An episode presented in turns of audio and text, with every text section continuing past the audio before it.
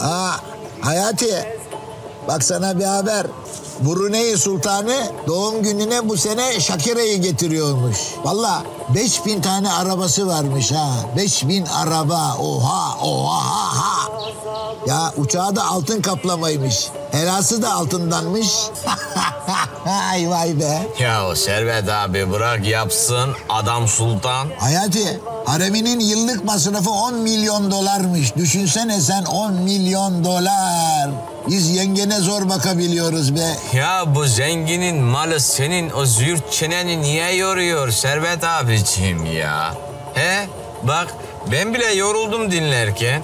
Bırak yapsın bırak. Sen şimdiye kadar ne zaman dinledin beni ulan? Dinle.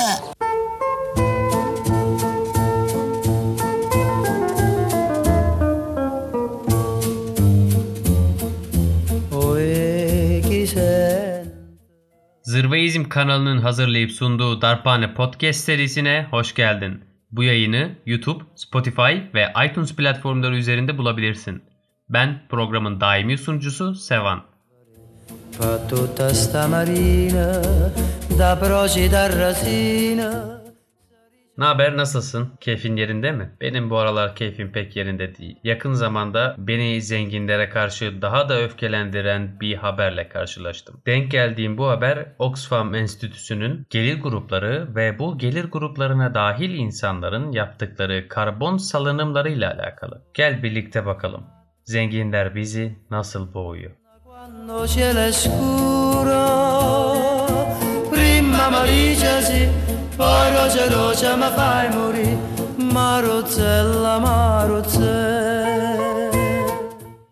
Sonda söyleyeceğimi başta söyleyerek başlayayım. İnsan nüfusunun en zengin %10'u atmosfere salınan karbondioksitin %50'sinden sorumlu. Evet yanlış duymadın. Peki bu neden böyle? Şimdi 2020 yılında dünya nüfusunun en zengin %1'i 63 milyon tane insan demek. En zengin %10'u ise 630 milyon insan demek. Tablo şu. Biz garibanlar yani dünyanın en fakir %50'si. Bu en zengin %10'a kıyasla karbon salınımının sadece %7'sinden sorumluyuz ve bu rakam 1990 yılından 2015 yılına kadar neredeyse hiç değişmemiş. Ama durum zenginler için aynı değil. Peki neden aynı değil? Bu soruyu sormak lazım. Senden düşünmeni istiyorum. Neden bir kapitalistin geliri arttıkça doğaya verdiği zarar artıyor? Bu ikisi arasında nasıl bir ilişki var? Şimdi sana atmosfere salınan bu zehirli gazın hangi sebeplerden ortaya çıktığını söyleyince ha diyeceksin ki Sevan tamam. Galiba bu yüzden zenginler bizlerin halkın çoğunluğunun aksine normalden kat ve kat daha fazla zehri doğaya salıyorlar. Zenginlerin doğaya saldığı zehirli gazların başlıca kaynakları şunlar. Önem sırasına göre söylüyorum. Dikkatlice dinlemeni istiyorum. 1. Jet uçaklar. 2. 4x4'ler, jipler, filolar. 3. Mansiyonları, evleri, villaları için harcadıkları su, elektrik, havalandırma ve ısıtma kalemleri. Hemen ardından da satın aldıkları pahalı kıyafetler ki bunların büyük bir kısmı deri sanayi tarafından üretiliyor. Ardından da tükettikleri gıdalar ve hizmetler geliyor. E diyeceksin ki Sevan bunların bir kısmını biz de yapıyoruz. Tamam bir jetimiz olmayabilir ama aracımız var aracımıza biniyoruz. Evimiz var ısıtıyoruz. Kıyafet alıyoruz üstümüze başımıza. Ama işte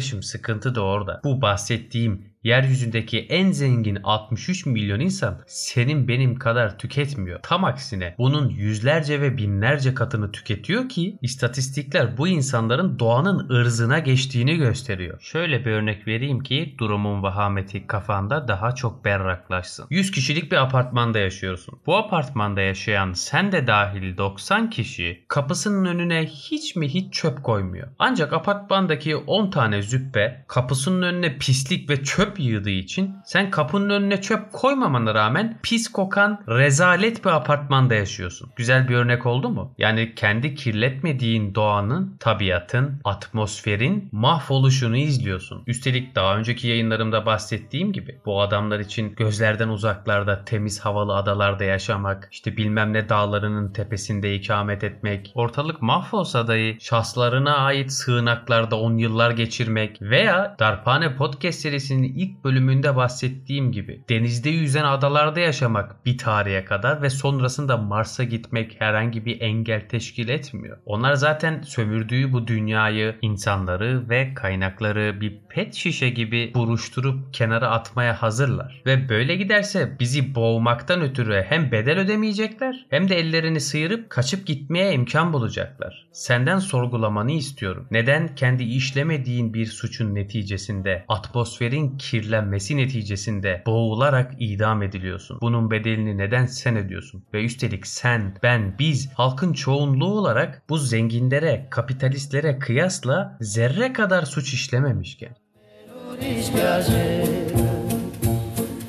sto cuore mi fai sbattere più forte l'onna quando c'è Ne diyeceğiz şimdi buna? Lüks tüketim. Olur böyle şeyler mi diyeceğiz? Biz insanlık olarak çok kötü varlıklarız. İsraf ediyoruz. Bunun bedeli de bu mu diyeceğiz? Tasarruf musluğu almadık. Ah doğalgazımız yok diye kömür yaktık. Veya iki deodorant sıktık. Haftada birkaç defa fazla duş aldık. Aracımızı da biyodizel veya elektronik alamadık diye hayıflanacak mıyız? Emin ol senin benim belki istesek dahi alamadığımız her türlü o çevreci kararlar kapitalistlerin bilerek ve isteyerek işlediği bu suçlara kıyaslandığında doğanın tahribatı konusundaki bu kötü tabloya zerre şifa olmuyor. Geldik yayının ortalarına. Peki senin benim bizim burada asıl sormamız gereken soru ne? Yani neden bu multimilyarderler, zenginler, kapitalizm kaynaklı gelir adaletsizliği probleminden ötürü pastadan alması gerektiğinden fazla pay alanlar, belki ömürleri boyunca bir gün dahi çalışmayanlar, paracıkları ve karlılıkları, en büyük dertleri olanlar, para basanlar, para satanlar, paradan para kazananlar, üretime değil tüketime endeksli yaşayanlar, ancak bir başkası kaybettiğinde veya israf ettiğinde kazananlar, vurguncular, tekelciler ve yediği kaba tükürenler. Böyle bir hakkı ve imkanı nereden bulabiliyor? Yayının sonlarına geliyoruz. Şimdi gelelim BAM teline. Dünya Bankası'nın yakın zamanda açıklamış olduğu bir rapor var. Bu raporda diyor ki 2030 yılına kadar eğer zengin ve fakir arasındaki uçurum bu şekilde artmaya devam ederse yani gelir adaletsizliği ortadan kaybolmazsa 2030 yılında insanlığın büyük bir kısmı günde 2 dolarla geçinir hale gelecek. Eğer istesek dahi yani bunu değiştirmek istesek dahi bu düzen devam ettiği müddetçe ancak 200 yıl sonra insan nüfusunun %50'sini o yoksulluk sınırı olarak sayılan 5,5 doların üstüne taşıyabiliriz. Peki sana soruyorum. Sen 200 yıl beklemeye hazır mısın? Veya 200 yıl yaşayacak mısın? Sanmıyorum.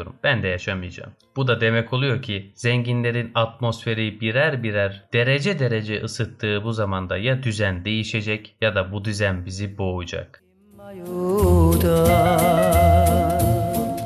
se tu non vieni a m'aiuta oh m'è venuta Şimdi istatistik biliminin, ölçümlemenin, merkezi planlamanın zor olduğu 50'li yıllarda yaşamıyoruz. Tablo gayet açık. Hesaplamalar gösteriyor ki kamu sağlığını ilgilendiren, senin benim sağlığımı ilgilendiren bu temiz hava meselesinin çözülmesi için vaziyetin değişmesi lazım. Aslında bunun Türkçesi şu. Zenginlerin keyiflerinden kısması lazım. Peki bu nasıl mümkün olur? Sen keyfinden, konforundan vazgeçmek ister misin? İstemezsin. Onlar da istemeyecek elbet. Çünkü çiplerini kullanabiliyor olmaları lazım. Bir yerden bir yere giderken jetlerine biniyor olmaları lazım. Bunlar tırnak içinde prestij meselesi ya. Bir zengin bunları yapmazsa olmaz. E o halde tutup bu lüks tüketimleri ekstra vergilendirmeye kalksan o orada liberaller olay çıkarır. Çünkü biliyorsun ki bu insanlar için sermaye, zenginlik nedir? Eleştirilemez, sorgulanamaz, nereden geldiği merak edilemez, nasıl harcandığı hiç mi hiç kimsenin umurunda olamaz. O halde biz de bunlar gırtlağımıza gırtlağımıza sokarken pis havayı, karbondioksiti durup bundan keyif almaktan vazgeçmelerini bekleyeceğiz. Öyle mi? Bence bu hiç mi hiç mümkün değil. Çünkü bu durum kapitalizmin ve kapitalistlerin sırf var olduğu için beraberinde ortaya çıkardığı gelir adaletsizliği, mülkiyetin